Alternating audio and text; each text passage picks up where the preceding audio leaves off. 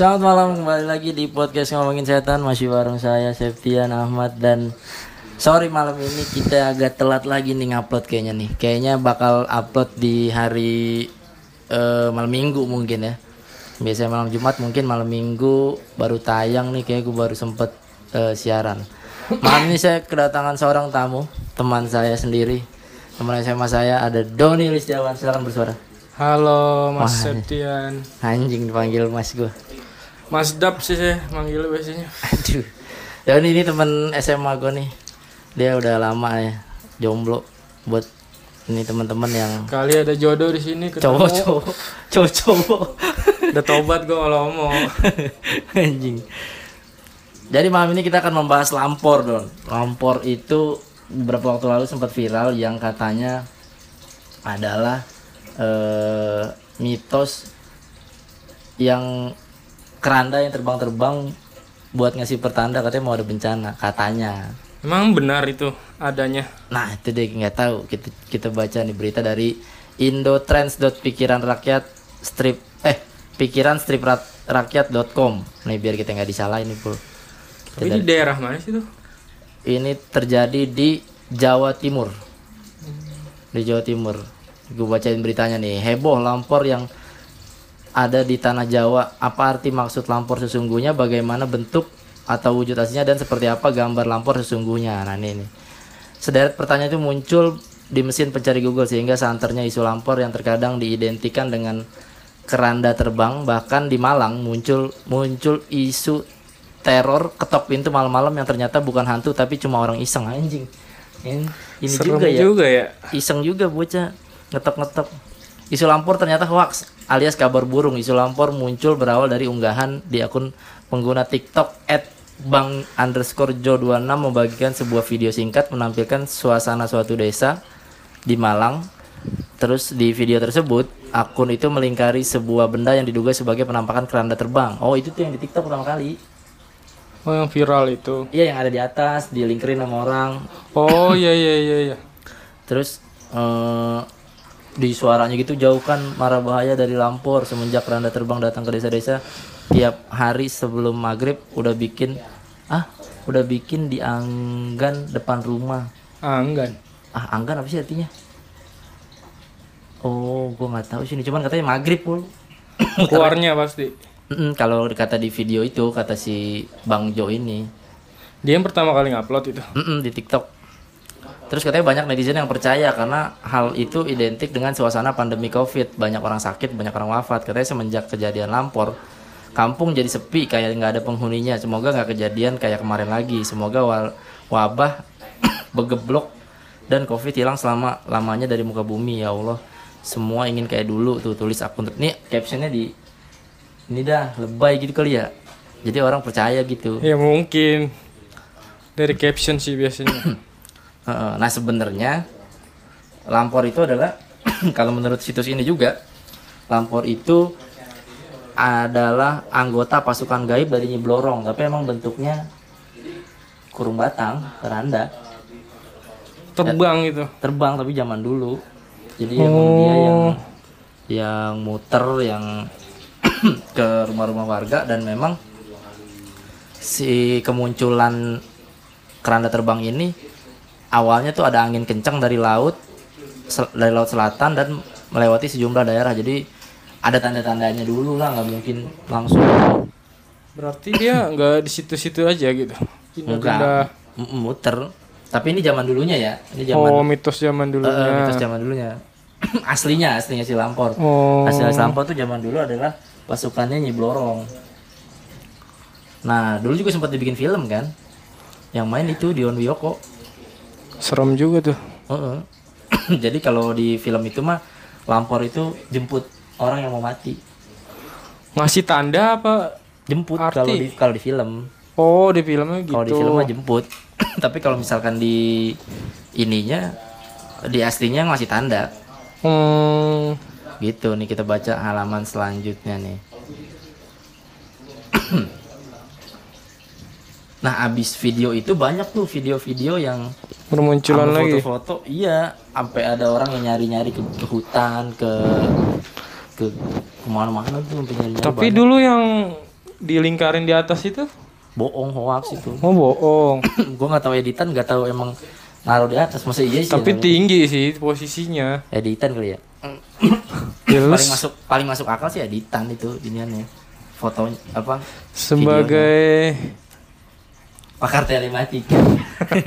Ray Suryo dong anjing. Sebagai pakar telematika sih tapi kayak editan sih bul itu di Malang kejadiannya katanya video tersebut. Tuh. Keren sih yang edit itu. iya ya bisa bikin heboh ya. Nih ada di pul. Asal usul lampor.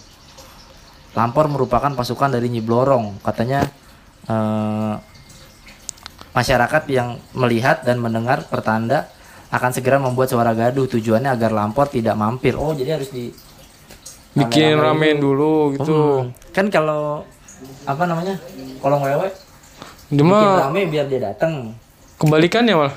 Iya, ini kebalikannya. Nih, karena mereka membawa pagebluk. Oh, jadi Pagelbuk apa sih? wabah. Oh wabah. Jadi bawa penyakit katanya. Tuh, katanya lampor konon datang dengan suara yang sangat nyaring dan berisik. Beberapa suara menyebutkan berbunyi welwo welwo welwo. Anjing apaan nih? Bercanda ya?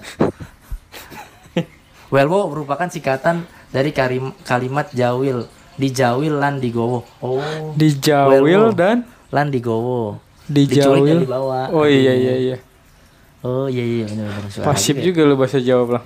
Gokil lah, gua seru juga nih. Nah terus abis itu banyak tuh youtuber pada bikin video tentang lampor sampai ada nyari ke gunung ya. Tapi yang pertama kali ngeliat bahwa dia yang kena bencananya apa enggak? Kagak. Dia bilang di video itu jauhkanlah dari wabah gitu-gitu. Captionnya dibuat berlebihan lah, jadi orang pada takut kali. Bikin Jadi orang viral. percaya ya. Iyalah. Kayak kasus ini kali dulu. Babi ngepet. Iya viral tuh sempat tuh. ya kan viral terus ternyata bohongan kan ini gue klik next tau tau dosa pengusir jin tiba-tiba. Gue kira Buat lu kayaknya tuh. ya anjir. Mau nggak baca lu? Nggak usah lah ya. Tuh ada tuh di websitenya gundul sih. indo indotrends.pikiran striprakyat.com tuh kalau lu mau baca artikelnya tuh kita baca dari situ. Nah kalau lu sendiri puluh percaya nggak melampor-lampor gitu? Kalau gua pribadi sih kalau gua belum lihat dengan mata gua sih gua nggak percaya.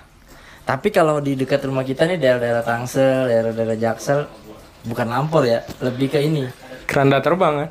Bukan bocah pindahin lagi tidur ke kera, Kurung batang Oh, kan banyak kalau kan. tidur lu nggak bersih bersih dulu di masjid, Iya, gitu. biasa ada nginep di masjid, apa kotor, apa Tapi temen gue pernah cerita yang begitu bener-bener ada dia dipindahin. Tapi kan Iya, gue juga kan? belum pernah lihat langsung. Nah kebanyakan kan cerita-cerita doang kan. Ya emang kalau yang di sini sih kebanyakan begitu dulu zaman dulu tuh. Tiba-tiba udah ya. di keranda aja lah ya. Iya, Dicari nggak ketemu nih dicari katanya ternyata di di keranda. di kira di pinggiran musola tuh biasanya tempat nyimpen kurung batang tapi kan kalau kurung batang di masjid kagak tutup ya Ih ditutup lah. kagak lah kan kotor kainnya kalau lagi ada yang Oh kainnya yang enggak. Kalau kirain tutupan besinya. tutupan besinya iya tapi kelihatan kalau tutupan besinya masa iya? Pa- pakai kain nggak ada yang pakai? Enggak kan? Ya enggak kalau disimpan nggak mungkin pakai mungkin kain di lah. gudang kali ya. Nah. Kayak kayak misalnya ruangan-ruangan marbot. Dekat-dekat tempat wudhu kan biasanya nggak kelihatan orang tuh. Diumpetinnya gitu. Naruhnya. Makanya yang dipindahin ke situ juga jiper lah. Pasti. Namanya bocah kan. Dan selalu bocah tanggung. Bocah-bocah sempel lah. Kali. Yang dipindahin-pindahin ke ini keranda zaman dulu tuh di sini ada juga berarti Bro, temen lu ya Gue ceritain sih sama temen gua.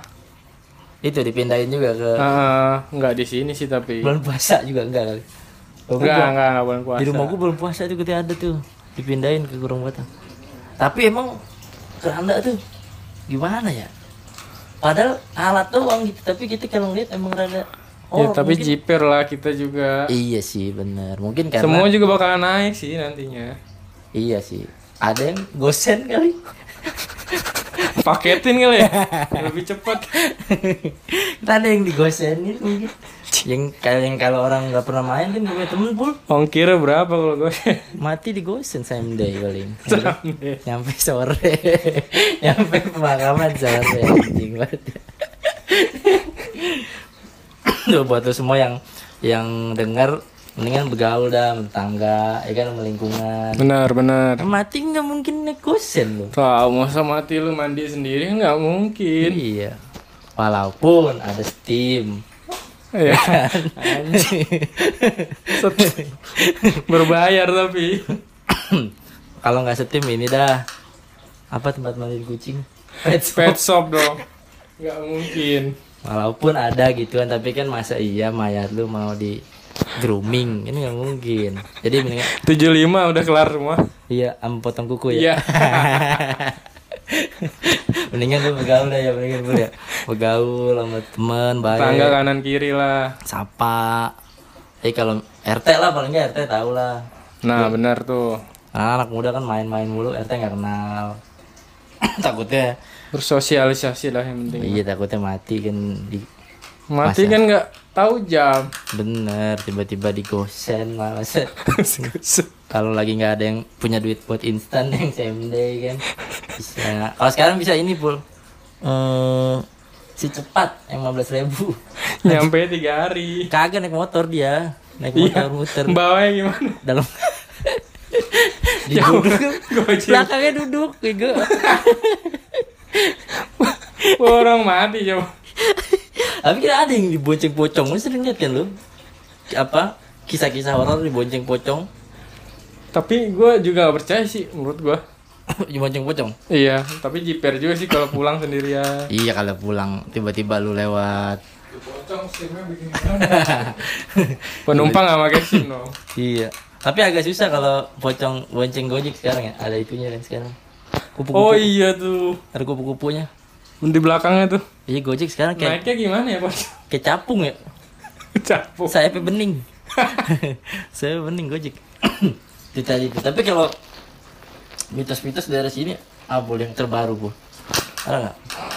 mitos Tapi udah zaman begini udah jarang ya. jarang sih paling termakannya gara-gara sosmed Daerah dari sini apa? Ini. Eh ah udah belum lama. ada sih gue Kolong Udah- udah udah lama. lama. Bu, dulu sih pernah sempet gue inian kan? tetangga gue Apa? bocah kecil tuh Hmm. dia belum sunat Terus? tiba-tiba dia kencing maghrib maghrib Hmm. di depan teras lah gitu tiba-tiba pulang masuk udah posisi kulitnya udah nggak ada itu Tapi rapi. rapi nggak bohong gua Bagus berarti jin. berarti emang nggak boleh ya kata orang tua maghrib tuh keluar. Ya sebenarnya kan maghrib mah ya lu di rumah lah sholat mungkin gitu kali orang tua. Mungkin orang tua dulu mah nakut-nakutin cuman tapi orang Ada tua ada benernya kan? Iya. ada nyatanya. Iya makanya. Maksudnya sebenarnya mungkin dulu dibuatnya biar kita tuh nggak main lah maghrib. Tapi ternyata ada hal-hal begituan juga hal-hal yang kadang-kadang anjrit serem juga tapi emaknya bersyukur waktu itu.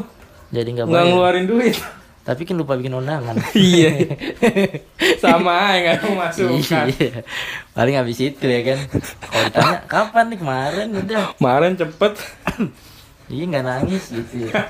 tiba-tiba udah rapi aja Nah, gue takutnya anak kecil lain ngikutin kencing di situ juga. Pada banyak. ya nggak nggak semua juga bakal kejadian Sunat tiba-tiba disunatin semua kan. Bahaya. lucu sih kalau bisa begitu sama jin. Itu yang paling terbaru paling itu ya. Itu udah lama sih. itu udah lama sih Dulu ada ini kolor hijau. kalau Rijo sempet juga tuh Di sini kemakan jiper juga. juga sih kemakan nyari-nyari bambu kuning ke mana-mana sama daun kelor ya. kelor susah soal waktu itu Iya, tahu depan pintu. Eh, di nah pintu. digantung biasa gantung pintu tuh Itu kemakan juga di sini berarti. kemakan Terus yang paling parah sih saudara gue yang di Bekasi deh sampai parno banget sampai ngapain dia? Dicor pintu yang enggak enggak ya? ya pokoknya apa aja yang buat menangkal kolor hijau diambil. Aduh. Mungkin keluarganya banyak cewek mungkin, oh iya bisa ya kan? anak semata wayang sih cewek doang deh Nah, mungkin sama istrinya kan cewek juga. Ya, kalau istrinya cowok apaan bang Ya, itulah homogen. Eh, apa sih bahasa biologinya? Homogen kan? bukan Sejenis. iyalah lupa gue udah lama lulus ya Hete- heterogen.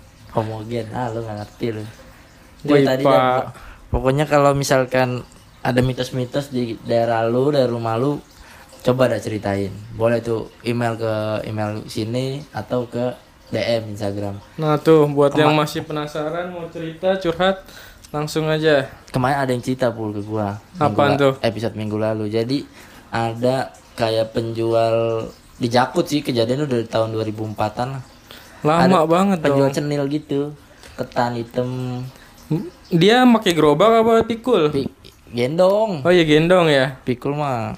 Soalnya tahu gejrot. Ya kan? Tahu gejas kan udah gerobak Oh juga. Dulu pikul mungkin. pikul apaan? Pikul. Sol. Soal ya ini lemari. Tiga lemari. Dipikul. Jahat sih kalau lemari. digendong ya. Muter-muter nggak ada yang beli. iyalah. Dikira lu pindahan. Ini. Pikul. Dawet biasanya yang ada dipikul. ya bener sama ini cuangki Terus gimana kelanjutan itu? iya tukang ini tukang cenil kan tukang ya makanan pagi lah jagung Ya nggak mungkin malam kan. mbak mbak gitu namanya mbak Nur cewek Sepuh.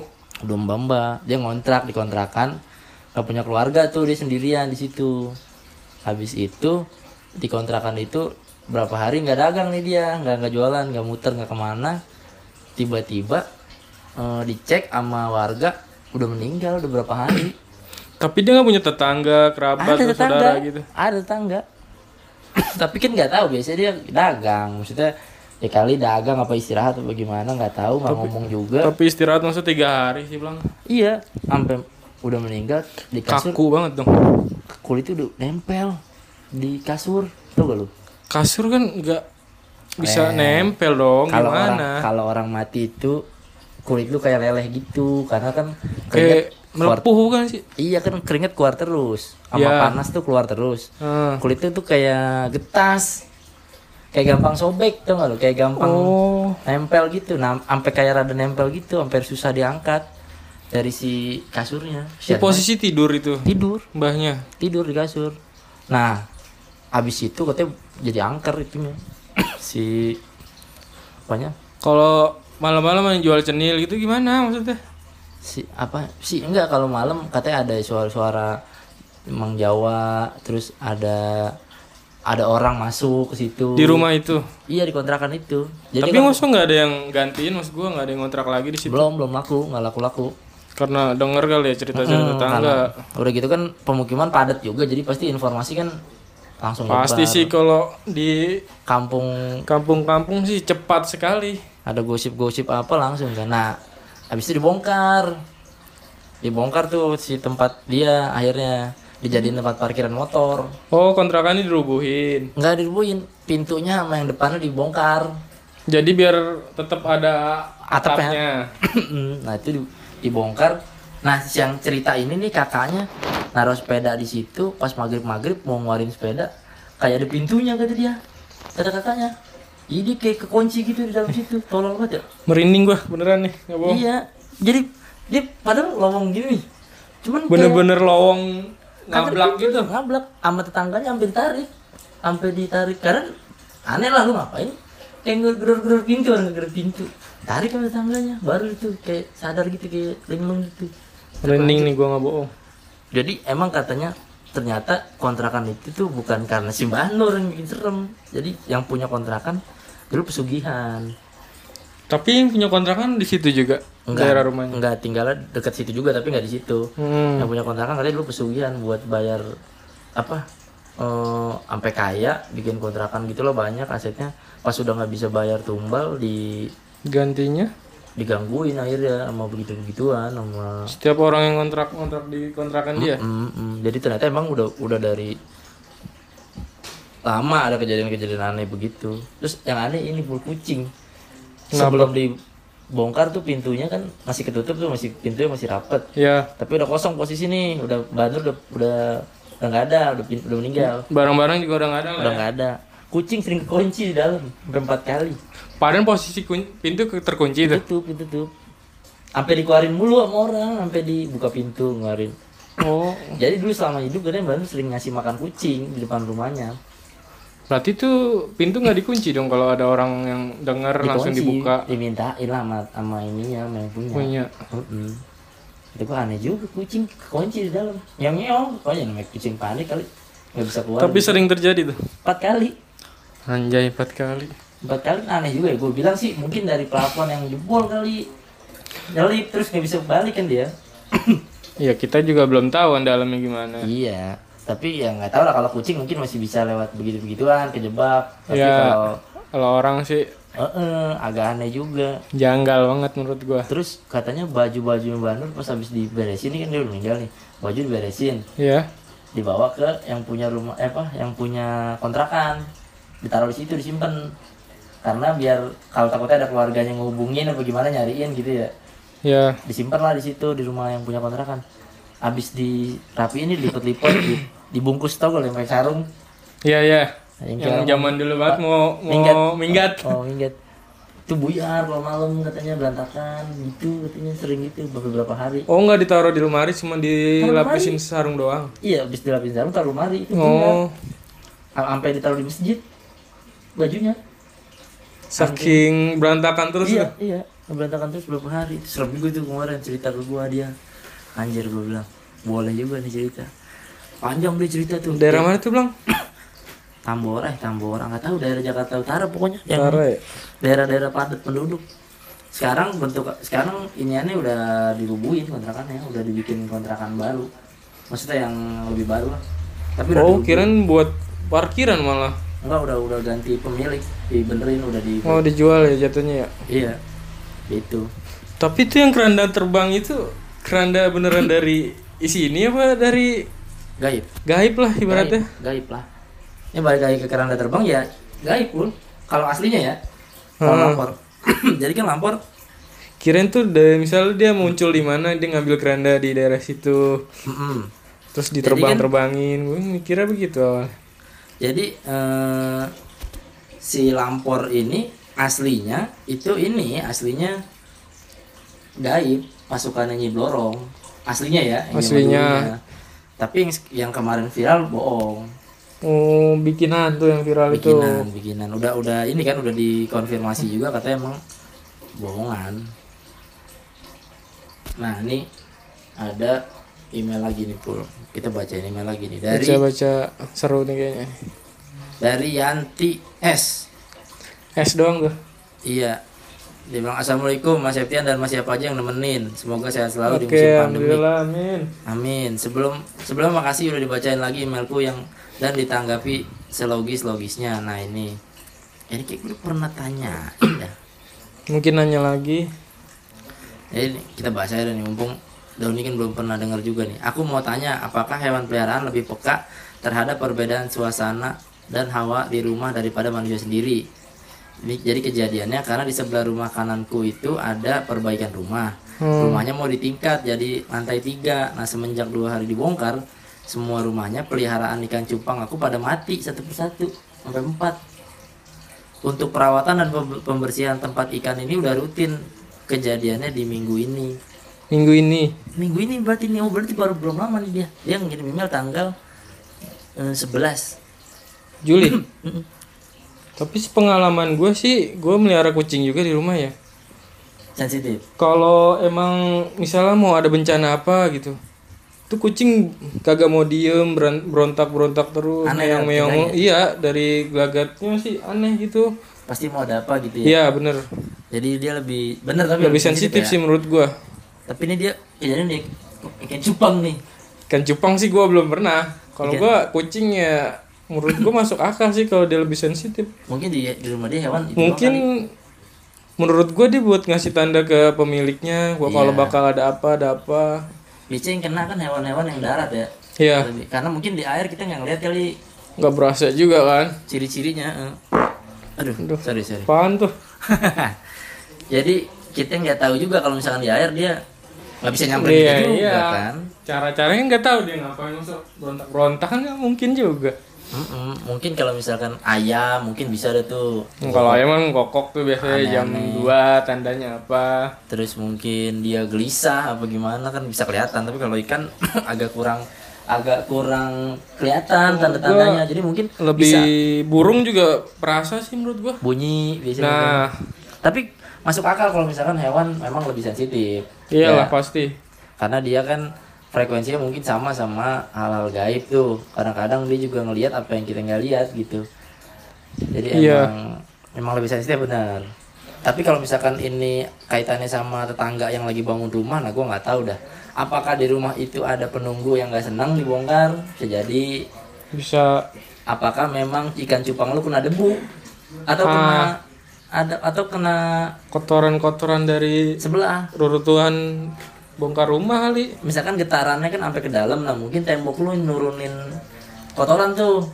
Iya iya ya jadi mungkin rumah lu gak kenapa-napa cuma debunya berturun mungkin bisa jadi. kan lu juga nggak tahu tuh debu kapan jatuhnya. Iya mungkin. Atau berlebihan jadinya si Iya. ininya. mungkin ya.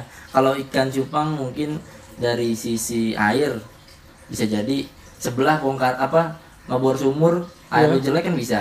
Bisa bisa. Atau sumur lu kedekatan gitu sama dia gitu. Jadi pas lagi ngebor air lu agak-agak jadi tercemar lah cemar gitu. lah karena deket kan lu ngebor samping mesin dia. Bisa jadi itu kayak gitu. Pokoknya kalau ikan cupang tanda-tandanya tapi bisa jadi karena gaib juga kalau misalkan emang udah bersih banget semua dia rutin ganti air perawatannya normal mati mungkin dia kena gangguan atau kena tapi bisa juga sih kalau cupang kan pancaroba juga ngaruh soalnya. Iya suasana apa hawa? Hawa.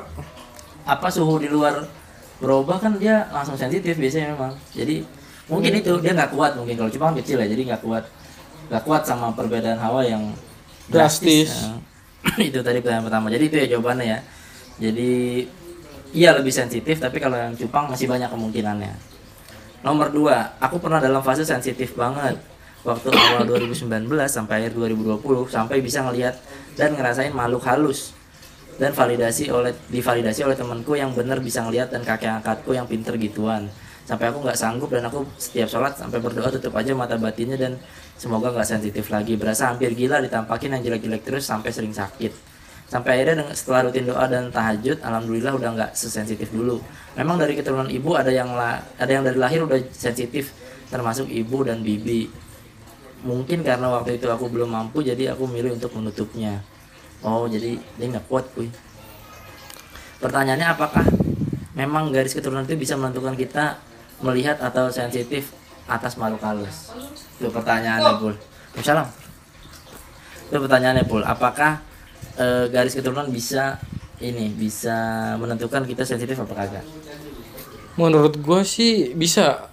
Tapi nggak mungkin ke anaknya juga. Kadang Random ya? larinya ke cucunya. Iya random ya. Kadang-kadang ya random bener. Kadang-kadang memang se- sebuah keturunan gitu memilih ibaratnya badan yang pas bul. Iya nggak semua Anak. keturunan dia bisa sih. Hmm, karena kan ada beberapa karakter orang yang oh dia bisa nih dia kuat nih. Akhirnya diturunin ilmunya. Ada yang ada yang memang nggak kuat secara badan gitu ya dia nggak bakal tapi ada tetangga gue yang umur masih SD lah. Tapi dari kecil dia udah bisa ngeliat. Mm, ngeliat yang jelek-jelek. Tapi dia pembawaannya sih bagus dia nggak takut nggak apa. Berani selalu nyeritain kaya itu ada apa tuh ya di kolam itu itu? Mm-mm. nah kata orang-orang yang ngerti sih nggak apa-apa mas biarin aja. Nanti sekitar umur 10 tahun juga Hilang. hilang sendiri dia. Oh jadi ya nggak usah mungkin. ditutup. Jadi mungkin ada juga tapi ada juga yang ke bawah. Sampai gede. Nah itu bisa dihilangin nggak sih Bisa. sebenarnya? Bisa. ditutup kan? Bisa harusnya ditutup. bisa kan? Bisa bisa ditutup. Karena kan kalau orang yang nggak kuat dan minta pengen ditutup ya ditutup harusnya.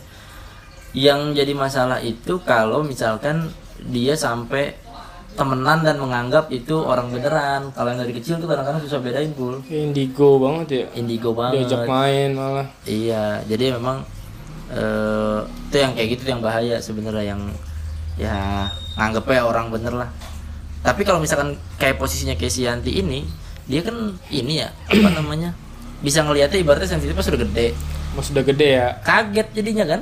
Lu biasa ngelihat orang lu tahu mana orang mana setan kan maksudnya gitu loh. Maksudnya ditampakin yang jelek-jelek kan jiper juga Jiper dong. sih. Gue juga parno kalau baru ngeliatnya pas gede. Kalau mungkin dari kecil dia Oh, mungkin udah terbiasa. Heeh. mungkin ya itu tadi tuh jawabannya. Jadi garis keturunan mungkin.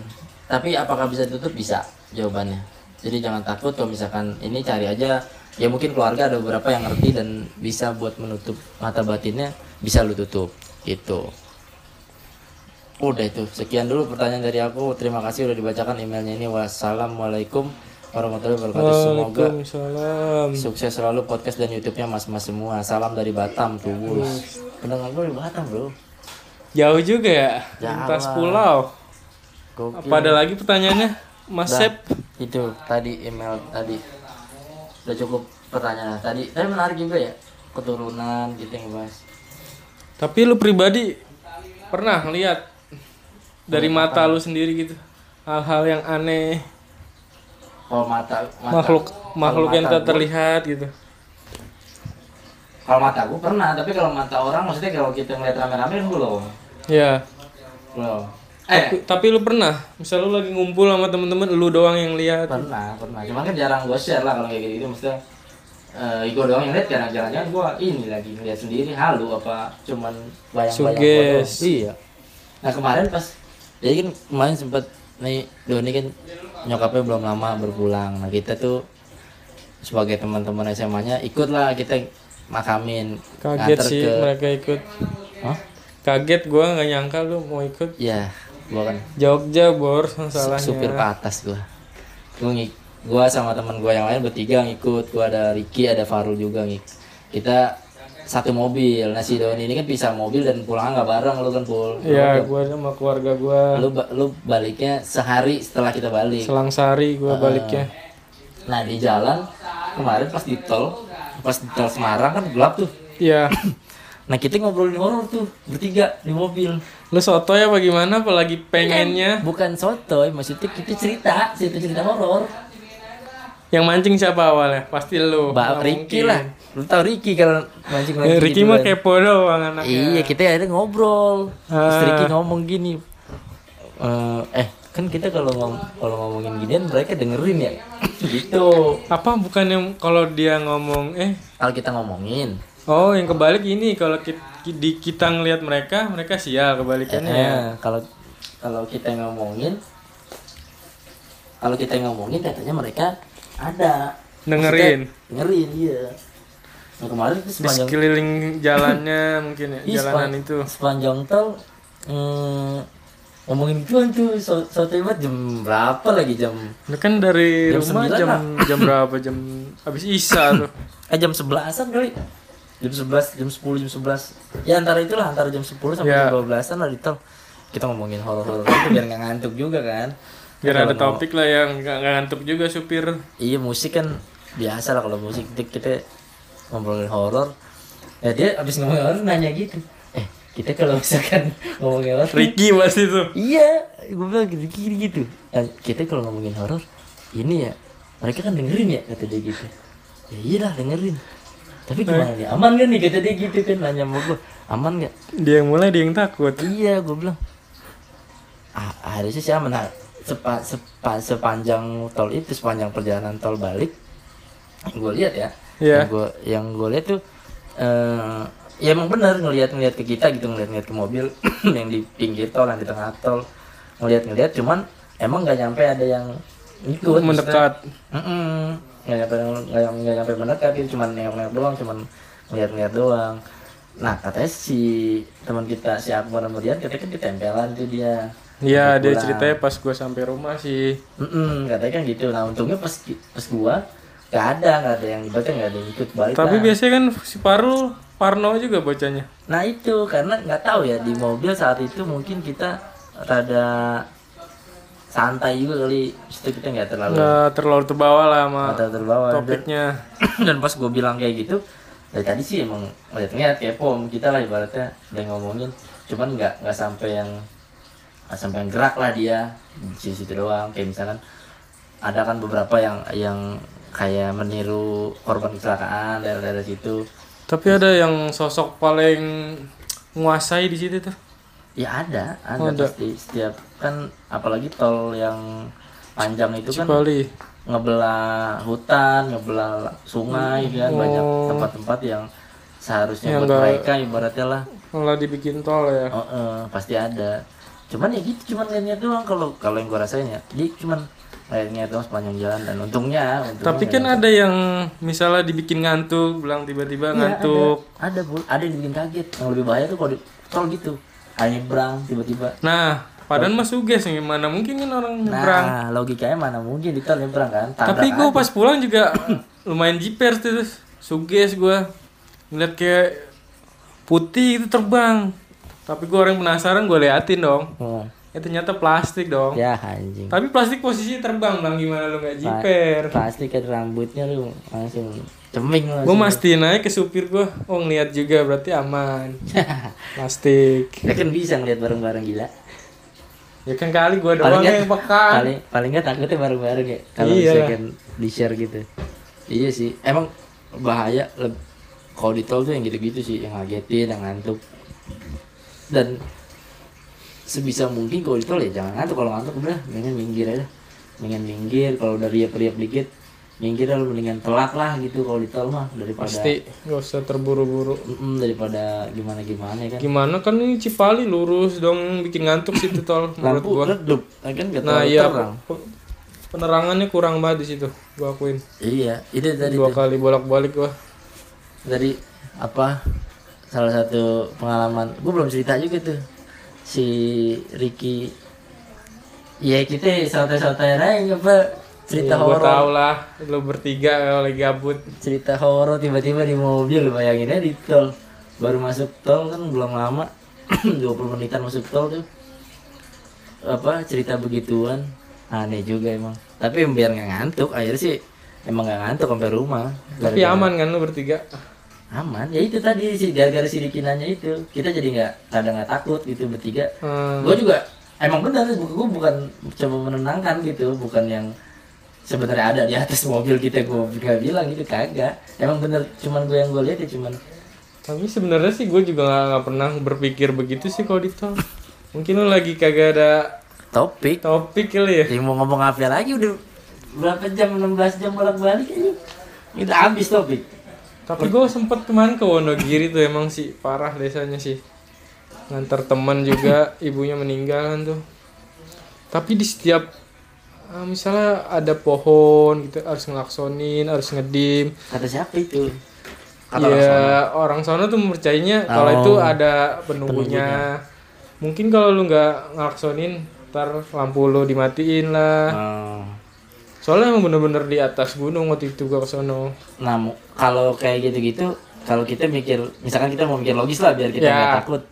Mungkin takutnya ada hewan dari pohon yang kita monyet, apakah kambing yang Secara logisnya ya. iya mungkin kan namanya pohon kadang-kadang gede nggak kelihatan tuh hewan-hewan mungkin. Jadi biar kita lebih waspada dah. Takutnya ada orang juga kan. Kita mau nyebrang apa mau gimana namanya di kampung, Bul. Namanya petani kan karena kan kita nggak tahu. Kita nih malam-malam ya bilang aneh juga tuh. iya sih, tapi kalau malam bisa anjing liar ya. Anjing liar. Anjing sana pasti ada. Iya, mungkin itu yang biar kita dan biar kita kita di, dibikin mitos gitu mungkin kita tetap waspada. Waspada lah ya. Karena kan jurang kan, kanan kiri. Iya. Terus Ada pembatas. kecil. Heeh, biar kita ng- nggak sembarangan lah. Biar kita pelan-pelan juga sih. Jadinya kan kita nggak terlalu kencang, nggak terlalu ngebut. Gara-gara ada gitu. Masuk akal sih secara logis ya. Iya, mikirnya misalkan kita lagi ngebawa teman kita yang penakut kan kadang-kadang nggak bisa nge-share cerita yang Horor ya. ya kan kadang-kadang kita harus Karena kita nyeritainnya secara logis. Heeh, sera- kayak misalkan anjir ini apa ya disuruh langsung ya sama orang situ Iya. pasti kan parno ada yang parno ada yang panik gitu ini jelasinnya gitu ya mungkin ada hewan kali ntar lewat apa gimana apa ada anjing liar takutnya nggak tahu nyebrang kucing apa gimana kayak apa sih Supaya kita juga ngebut mungkin ya. ya pasti sih itu biar nggak biar ibaratnya dikit-dikit klakson kan nggak mungkin kita ngebut kan pasti waspada terus Hmm. pasti kita jadi ngeliatin Jalan. pohon iya pohon mana aja nih yang mesti diklakson mungkin sama kayak ini sih dulu kokas Ya iya tuh yang Kan harus klakson. klakson. sebenarnya kan mungkin takutnya ada motor lain apa gimana kayak gitu-gitu mungkin lah atau ada yang ngantuk mungkin. Nah, ngantuk masuk akal. Iya, jadinya emang harus ya sebenarnya waspada aja sih kalau di jalan mah. Jangan ngantuk, jangan teledur gitu, apalagi di kampung. Tapi kalau di kampung-kampung gitu emang malam anjingnya lewat gitu serem ya, anjing matanya nyala tuh kalau kena lampu. Ya kalau anjing kalau macan lah. Ya, macan takut Namanya di kampung. Tapi kalau macan pul aslinya takut sama orang, tau gak lu? dia tuh pasti ngindarin orang dia nggak nggak mau nyium bau orang gitu dia kalau nyium bau orang dia pasti ngindar kalau macan aslinya tuh kalau tahu. Jadi emang dia sebenarnya kagak ini kagak nggak mau Kagak kecuali lu ganggu. usik ya. Ah, kecuali lu usik ya. Misalkan lu lu sentil kupingnya misalkan gitu ya lu ya siapa sih mau isengin macan? Ya namanya juga. Itu gabut segabut gabutnya orang. Alsat Ahmad mungkin lu kan. Mau jadi Alsat Ahmad miara macan bisa jadi. Jadi gitu emang kalau macan biasanya gitu. Mungkin ki- kalau sering naik gunung kan gitu kan kita semacan macan iya kadang Kadang-kadang- bau bau ini ini ternyata gue katanya diceritain siapa ya? Diceritain sama Mang Aceh apa ya? Yang punya base yang camp. punya di sono Cibodas. Mm-mm. dia itu dia bilang kalau lu nggak ngapa-ngapain mah macan takut sebenarnya ngindar gitu. Males juga kontak sama ini. Misalkan dia udah ngeliat lu dari jauh ya dia pasti ngindar. Lu tau nggak yang jembatan yang yang mau Ciberem? Ah yang mau ke Ciberem. Iya ya iya ya benar iya ternyata itu bawahnya katanya tempat lewat macan jalur yang macan. Mm-mm, jalurnya. Gua nggak tahu dari mana ke mananya maksudnya dari apa dari mau dari atas mau ke bawah apa dari bawah mau ke atas gua nggak tahu. Cuman katanya kata si Mang Aceh itu jalurnya tuh dulu tuh kata dia gitu. sebelum dibuka buat jembatan itu. Jalur macan. Itu sih. Itu banyak tuh pembahasan dari mulai lampor mulai dari apa tadi? Lampor email yang tadi ini. pertanyaan ya hewan-hewan ya. job-job email dari sama pengalaman saya tadi Pendengar. ke Jogja ke Gunung Kidul sih lebih tepatnya itu. Jogja coret anjir itu lu apa? Masih masuk Jogja emang udah enggak kan? Jogja dong Gunung Kidul kan masih. Oh masih ya? Masih masuk masih. Itu oke terima kasih terima kasih banyak Doni sudah menemani. Terima kasih juga sudah diundang nih Mas Sep. Nanti kita akan mungkin cerita-cerita lagi. Eh ming, episode minggu depan mungkin eh, nggak tahu ntar sama Doni lagi kayaknya nih. Kita besok ada tamu bul kayaknya bul. Tapi lu ada topiknya minggu depan apa gitu? Nggak tahu. Lo nggak tahu nih. nanti dari si tamu aja suruh cerita. Ya udah oke. Mungkin dia punya cerita-cerita horor menarik kali ya. Mm-mm. nanti kita bahas lagi kita cari eh, pembahasannya juga di internet biar orang nggak nggak biar nggak halu-halu banget lah ya kan? Takutnya orang dengar soto-sotoyan aja lu kalau gue sih ada di internet jadi lu baca sendiri aja. Gue cuman percaya internet ya anda? gue bacain oh, gue gue gue ngomongin biar lu yang buat lu yang males baca baca. dengerin. Bener. gitu. Kan lumayan tuh di jalan ya di mana sambil dengerin daripada lu baca internet kan? Mending dengar kita kita aja nih. Yo oke sampai jumpa di episode berikutnya. Kalau misalnya ada thank yang you mau semua. kirim email silakan kirim ke kotak surat.pns@gmail.com eh sorry rada telat episode naiknya. Insya Allah ke depannya.